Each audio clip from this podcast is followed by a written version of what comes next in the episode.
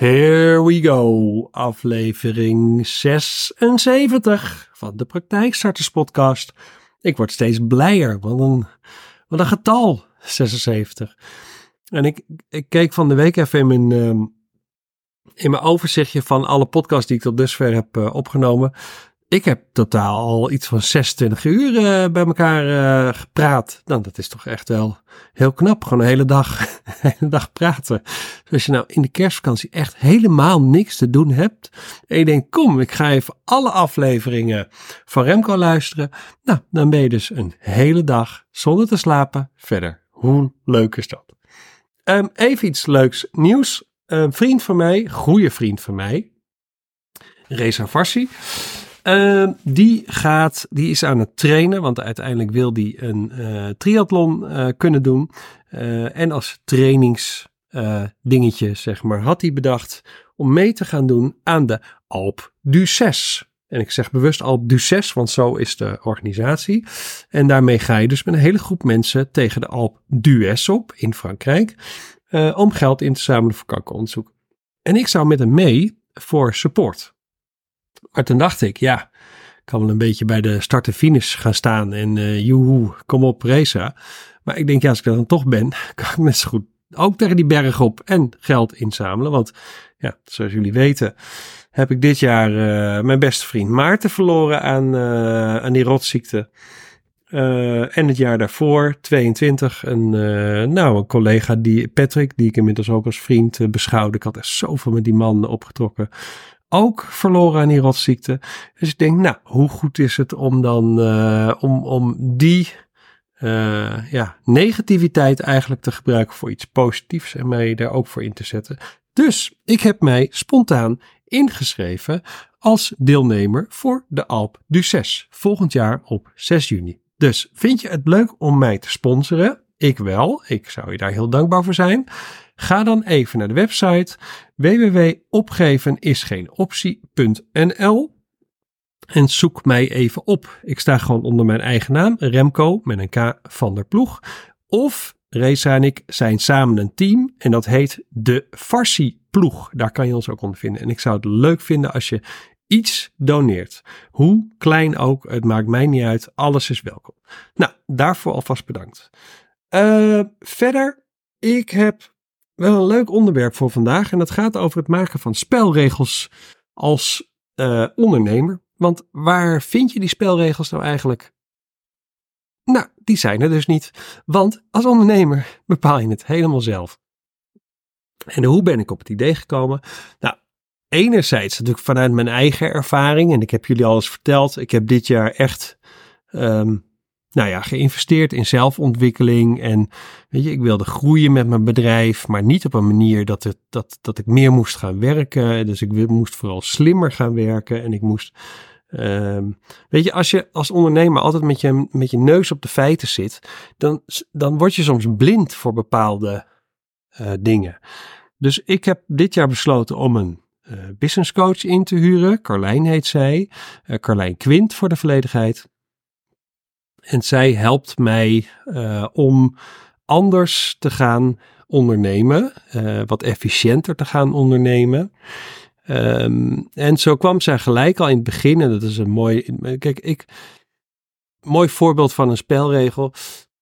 Ik reed in het begin het hele land door voor kennismakingsgesprekken. Dus hè, naar Den Bosch, naar Eindhoven, uh, Arnhem, uh, als het moest naar Zierikzee of naar Groningen, het maakt niet uit. Ik sprong in de auto en ik reed er naartoe. Nou, alles behalve efficiënt. Want, kijk, zo'n kennismakingsgesprek, dat duurt bij mij vaak al anderhalf tot twee uur. Dus het is echt wel een, een goed, pittig, mooi gesprek waarbij je denk ik al verschrikkelijk veel extra en aanvullende uh, informatie krijgt die jou verder helpt om deze praktijk te gaan starten of over te nemen, net waar we het over hebben. Maar als ik dus op afstand, uh, als ik dus naar zo'n locatie toe ga, neem even Eindhoven. Eindhoven is voor mij een uur en drie kwartier rijden. Uh, plus twee uur daar aanwezig zijn, weer een uur en drie kwartier toe. Dus ik was bijna een hele dag kwijt met één kennismakingsgesprek. En dan is de kans ook nog aanwezig. En die, die vrijheid heb je om gewoon te zeggen, joh, ik red mezelf wel. Of we gaan niet samenwerken. Of van mijn partij naar een ander die je helpt. Ook goed. Uh, dus ik, toen ik Carlijn net uh, had ontmoet en net eigenlijk net had ingeschakeld als, als uh, business coach met de vraag, joh, wil je mij helpen met, met efficiënter worden en groeien? Toen was het eerste wat ze zei, want ze had mij gevraagd: wil jij eens je hele proces uitschrijven? Nou, dit is onderdeel van het proces, dus ik had, ik had het ook gedaan. En ze zegt, zegt die kennismakersgesprek, hè? Waarom ga jij helemaal naar Eindhoven? En toen bleef het inderdaad even stil. Uh, en toen zei ik, nou ja, weet je, ik wil mijn, wil mijn potentiële klanten toch tegemoet komen. En dan spring ik in de auto. Ze zegt, ja, maar weet je, eh, jouw klanten gaan een samenwerking met jou aan voor een jaar, anderhalf jaar. Je roept zelf altijd as long as it takes, dus het kan ook wel langer duren. Uh, het, het zijn hele lange trajecten. Ehm het is voor hunzelf ook gewoon een hele bewuste keuze. Eh, je bent ook niet gratis. Dus ze zegt, ik zou het anders gaan aanpakken. Ze zegt, joh, bied gewoon aan. Uh, je kan op twee manieren met mij kennis maken. Eén is online. Dan doen we gewoon een videocall. Uh, of twee, fysiek. Is ook goed. Maar dan laat je mensen naar jou toe komen. Nou, dat heb ik eigenlijk... Daar heb ik niet eens aan getwijfeld. Maar dat ben ik gelijk gaan instellen. Dus echt de dag daarna kreeg ik volgens mij al een vraag van iemand van, joh, kan ik, kunnen we een kennismakingsgesprek hebben? Ik zeg, joh, ik heb twee smaken online. Voordeel van online is, dat kan vanavond al of morgenavond al, weet je, daar kan ik heel makkelijk tijd voor maken. Of we doen het fysiek en als we het fysiek doen, dan kom je gewoon naar mij toe bij Van de Valk Akersloot. Dat is de dichtstbijzijnde van, van de Valk bij Alkmaar waar ik woon. Of Van de Valk Oostzaan, dat ligt aan de andere kant van Amsterdam. Want dat is voor sommige mensen ook weer handig. Als je bijvoorbeeld uit Amersfoort komt, dan is die weer makkelijker te bereiken. Nou, en dat ben ik eigenlijk vanaf dat moment gaan doen. En er is helemaal niemand die daar iets over heeft gezegd. Dus stom is dat eigenlijk, hè? Dan zit je zo ermee in je hoofd van ja, en ik wil mensen tegemoet komen en dit en dat. En, en je denkt er, je zit er met je neus bovenop en je denkt er verder helemaal niet over na. En je doet één kleine wijziging en er is niemand die er wat van vindt of van maakt. Iedereen vindt het heel normaal. Heel veel mensen zijn nog steeds hartstikke bereid om naar mij toe te komen. We doen nog steeds een gesprek van twee uur, dus het is echt wel een heel uh, waardevol ook gesprek voor jou. Uh, en voor mij want ik vind het gewoon leuk om dit soort gesprekken te voeren en met mensen lekker te sparren. Um, en nou, van de week uh, had, ik, was, had iemand een. Je kan via mijn website kan je een, een vragenuurtje uh, boeken, zeg maar. Dat, ik noem het een vragenvuurtje, want je mag een uur lang je vragen op mij afvuren. Nou, en daar reken ik dan een bedragje voor, maar je mag alles vragen wat je wil. Je hebt echt een uur volledige aandacht. Uh, dus het is echt gewoon een, een pittige sparringssessie. Nou, en in dit geval was het geboekt door een mondhygiënist. En deze mondhygiënist die heeft een praktijk overgenomen, nog niet zo heel lang geleden. Maar die liep tegen wat dingetjes aan.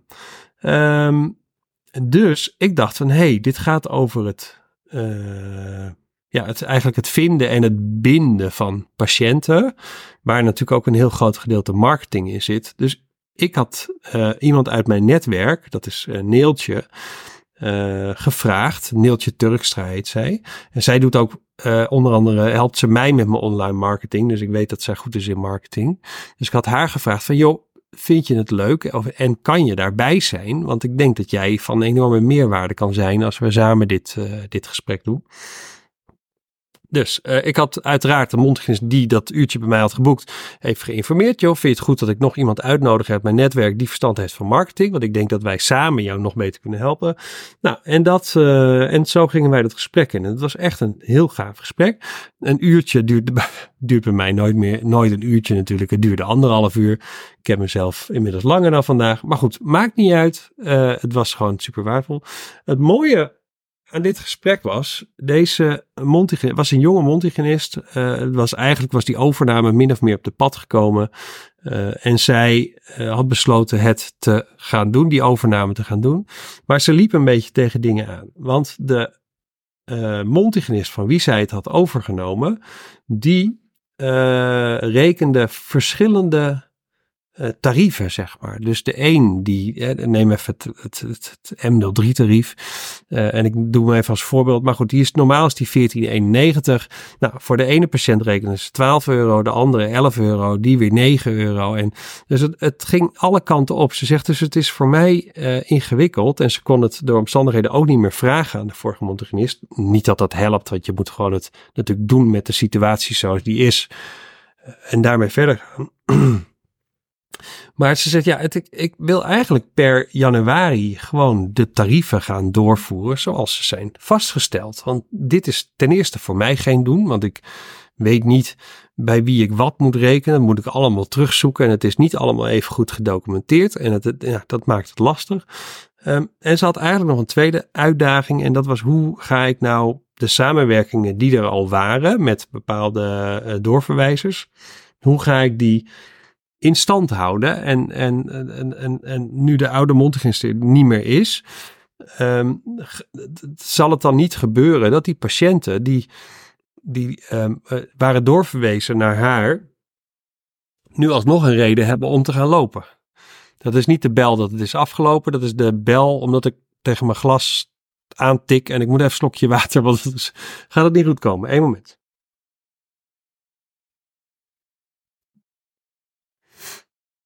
Maar zij zat er zo mee in de maag. Eh, ten eerste van ja, wat gaat er nou gebeuren als ik zo meteen tegen mijn patiënten ga zeggen van joh, uh, we gaan gewoon één tarief hanteren. Hè, dus al die, die kortingen, en zo mag je het natuurlijk nooit noemen naar een patiënt toe. Maar het is natuurlijk feitelijk wel korting wat je geeft als je afwijkt van het, van het standaard tarief. Hoe gaan mijn patiënten reageren?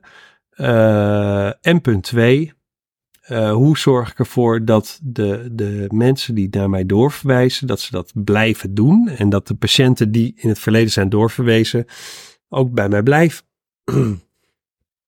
en het antwoord was eigenlijk heel makkelijk. Um, je weet het niet. Ja, je weet het pas als je het gaat doen. Dat is, dat is hetzelfde. Ik had ooit zo'n zo'n um, omdenkkalender, zeg maar. En er is één blaadje wat ik heb bewaard uh, daarvan. Daar staat op: wacht niet, het is toch nooit het goede moment totdat je het doet. Nou, dat geldt voor dit ook. Dus ik heb tegen haar ook gezegd, uh, en, en Neeltje was dat ook met mij eens, van joh, kijk, je wil gewoon naar, we hebben niet voor niks uh, uh, wettelijk vastgestelde tarieven. Die tarieven zijn er nou eenmaal. Dus waarom zou je korting geven? Dus ik zeg, je gaat een mailtje maken. Ten eerste om jezelf te introduceren naar de patiënten. Uh, ook, hey, een, deel heb je al wel gezien, maar een, een groot deel heb je ook nog niet gezien. dus daar moet een mailtje voor komen. Waarin je gewoon heel persoonlijk jezelf uh, voorstelt. En zegt van joh, ik ben een nieuw mondgister. Ik heb het overgenomen over dit. Ik vind dit en dit belangrijk. Uh, je kan er altijd nog wat persoonlijke dingen inzetten. Van, joh, ik vind het leuk om in de weekenden te gaan sporten. Of eh, met een rond te wandelen op het strand of naar iets.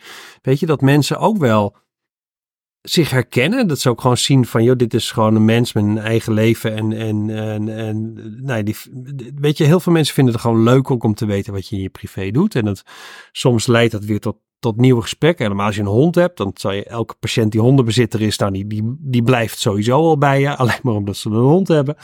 Um, dus ik zeg, dat ga je communiceren. En in diezelfde mail ga je zetten van, joh, ik heb, en, dat is even korter de bocht hoor, maar ik heb, uh, we gaan vanaf 1 januari, en je hoeft niet te zeggen, joh, we gaan verhogen. Je hoeft alleen maar te zeggen, vanaf 1 januari gelden in deze praktijk de wettelijk vastgestelde standaard tarieven. Punt. Ja, en dan kunnen mensen zelf wel de link leggen dat dat voor hun misschien gaat betekenen dat het tarief omhoog gaat. En is dat leuk? Nee, dat is niet leuk. Maar ja, jij kan er ook niks aan doen dat er altijd korting is gegeven. Want eigenlijk heb jij daar nu last van. Want ik vroeg haar nog even door in dat gesprek. En ook, weet je, dus ik heb gekeken naar wat is nou de omzet die wordt gegenereerd in de praktijk. Hoeveel patiënten zijn er uh, actief? En op basis daarvan zei ik al tegen haar van nou, de gemiddelde omzet per patiënt is eigenlijk extreem laag voor een mondhygiënepraktijk. Dus of dat betekent dat ze minder dan gemiddeld vaak in een praktijk komen. Want de meeste patiënten in de mondhygiënepraktijk komen toch wel tussen de 2 en 3 keer. Dus ik zit vaak op een gemiddelde van 2,5, 2,6 als bezoekfrequentie per jaar. Nou, even heel eerlijk. Stel je komt, uh, je komt 2,6 keer, laten we het daar even op houden. En je krijgt 7 keer uh, M03 voor je kiezen als je komt. Dan zit je op 104 euro keer 2,6. Zou je op een patiëntenomzet omzet moeten komen van gemiddeld rond de 271 per patiënt per jaar.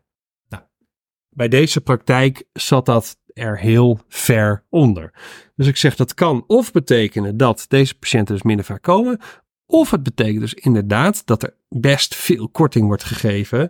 En daardoor loop je echt enorm veel mis. Want ik ging even snel rekenen. Als dat inderdaad betekent dat er korting wordt gegeven. Uh, en we vergelijken het even met die 271 waar we het net over hadden. Dan had, zou dat voor deze praktijk betekenen dat zij in potentie bijna 80.000 euro per jaar meer omzet zou kunnen draaien. Als zij de normale tarieven zou hanteren dat is serieus veel geld en dat mag je ook niet laten liggen.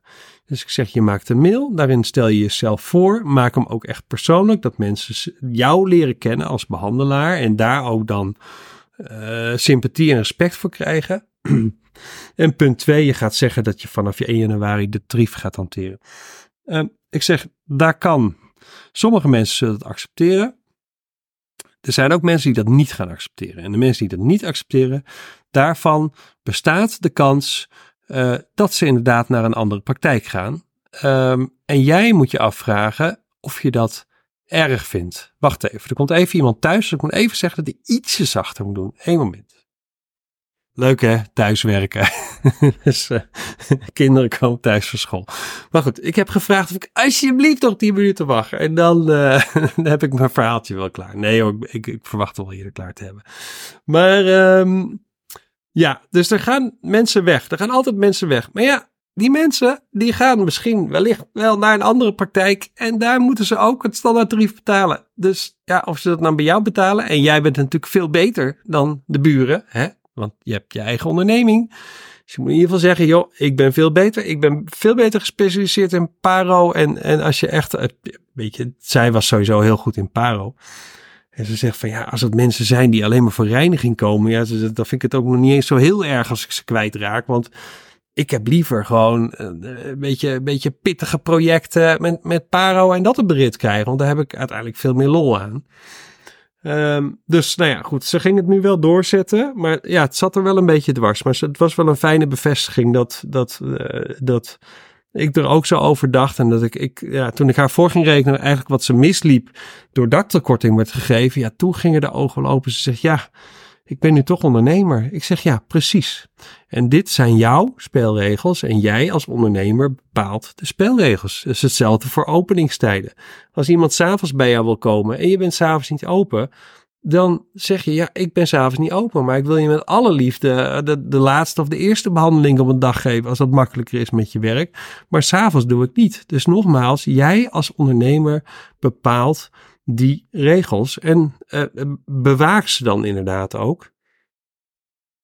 Um, en verder, wat uh, de Beneeltje had nog naar haar website gekeken. En die zegt van, joh, en je website ze zegt, ziet er super goed uit. Mooie kleuren, logo gekozen, alles. Een professionele website was het ook echt. Maar ze zegt, maak het ook gewoon persoonlijk. Nu staat een hele algemene tekst over we dit en we dat. Maar het, het, het is niet persoonlijk. Dus maak ook je website gewoon sprekender. Dat mensen op je website terechtkomen. Uh, en denken, hé, hey, daar wil ik naartoe. Alleen maar omdat ze al een bepaalde betaald gevoel erbij hebben of een band al met je hebben, nog zonder dat ze je kennen. En dat vond ik echt een hele mooie tip, want, eh, want heel veel websites die zijn zo onpersoonlijk en, en dat is zonde, want je laat, je laat daar echt wat liggen. Dus en haar, haar tweede punt was eigenlijk het, de doorverwijzing, want ze was bang dat die doorverwijzing. Ik zeg, maar waarom ben je er bang voor? Ja, ja, ja, weet ik eigenlijk niet. En ik zeg maar, merk je dat nu eigenlijk al? Ze zegt, nee, ja, ik merk er nog niks van. Ik zeg, nou, dan zou ik me er ook gewoon niet druk om maken. Want als, weet je, je, je het is ook gewoon een stukje onzekerheid als ondernemer die je, um, die je bang maakt, zeg maar. Dus ik zeg, en zolang er nog niks aan de hand is, hoef je dus ook nergens bang voor te zijn. Ik zeg, ik ben het wel met je eens, omdat haar situatie is gewoon anders dan anders. En er heeft geen overdracht plaatsgevonden. Dus ik zeg, ik ben het wel met je eens dat je die relatie met die uh, doorverwijzers, dat je die in stand moet houden. Mits je daar natuurlijk zelf ook iets aan hebt. Uh, maar dat hoeft niet alle, ik zeg, je hoeft niet alles tegelijk doen. Ik zeg, het is nu december. Iedereen heeft het hartstikke druk. Elke praktijk heeft het hartstikke druk. Ik zeg, ik zou zeker geen mailtje sturen, want dat mailtje dat leest helemaal niemand. Dus doe nou eerst dit. Stuur, focus je puur op de patiënten die je hebt en ga ze informeren wie jij bent en dat je per 1 januari de standaardtarieven gaat hanteren. Nou, daarna zou ze ook nog, uh, uh, had ze nog andere plannen. Dus ik zeg van ja, dan doe je gewoon begin februari pas of zo.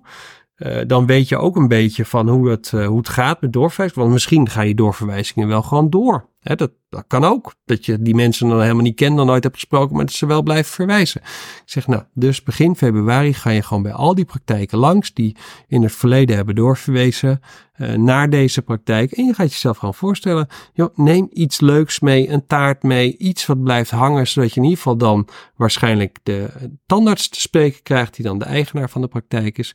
Stel je voor, uh, zegt dat je, dat je meerdere patiënten onder behandeling heeft die in het verleden zijn doorverwezen. Dat je daar hartstikke gelukkig mee bent en dat je hoopt dat ze blijven doorverwijzen. Nou, en zo simpel is het. En het, het mooie is, na dit gesprek, en daarna ook echt op hoor.